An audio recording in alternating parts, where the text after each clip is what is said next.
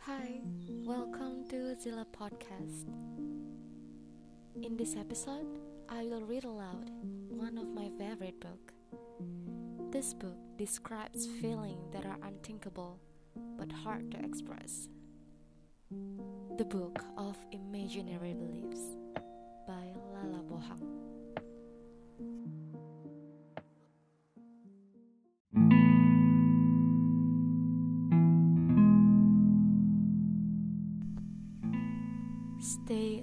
Awake in the dark. Open your eyes until you see something. Stay awake in the light.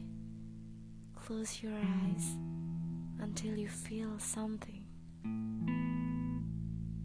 Stay awake in the temporary.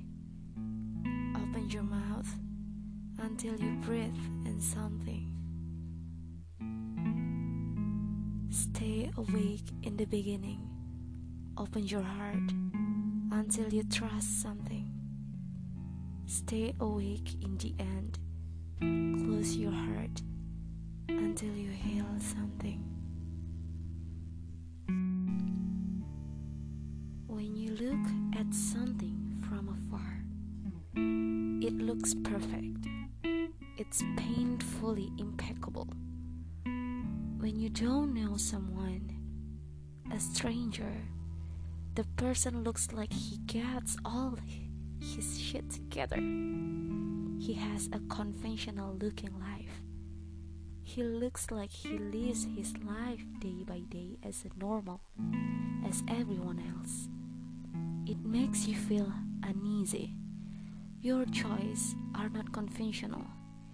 You don't get your shit together you don't even try to. You always choose the wrong ones. Nothing goes as planned. You have no insurance, no investment. You still eat junk food at midnight, and there's no safety net in your life. And here comes the moment when you get to know the person you eat together, sip coffee or tea without sugar, watch movies.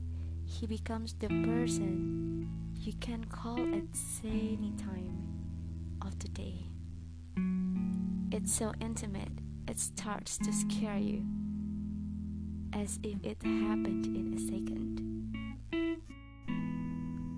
You forget what it feels like when you both don't talk to each other and it turns out the same.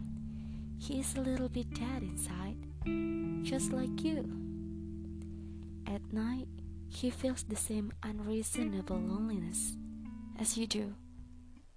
He wakes up in the morning constantly feeling fake. Day by day, you follow the routine because there's no other choice.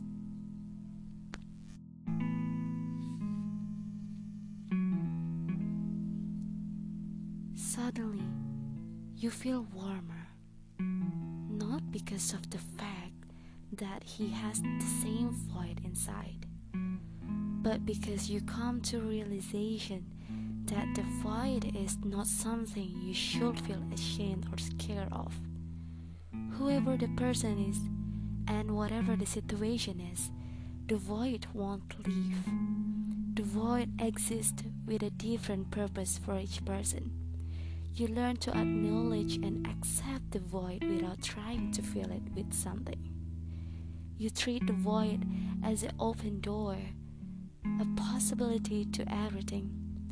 As time goes by, there will be a point when everything around you gets stagnant.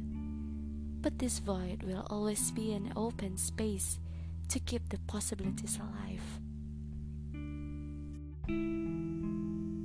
There's the distance, there's a longing.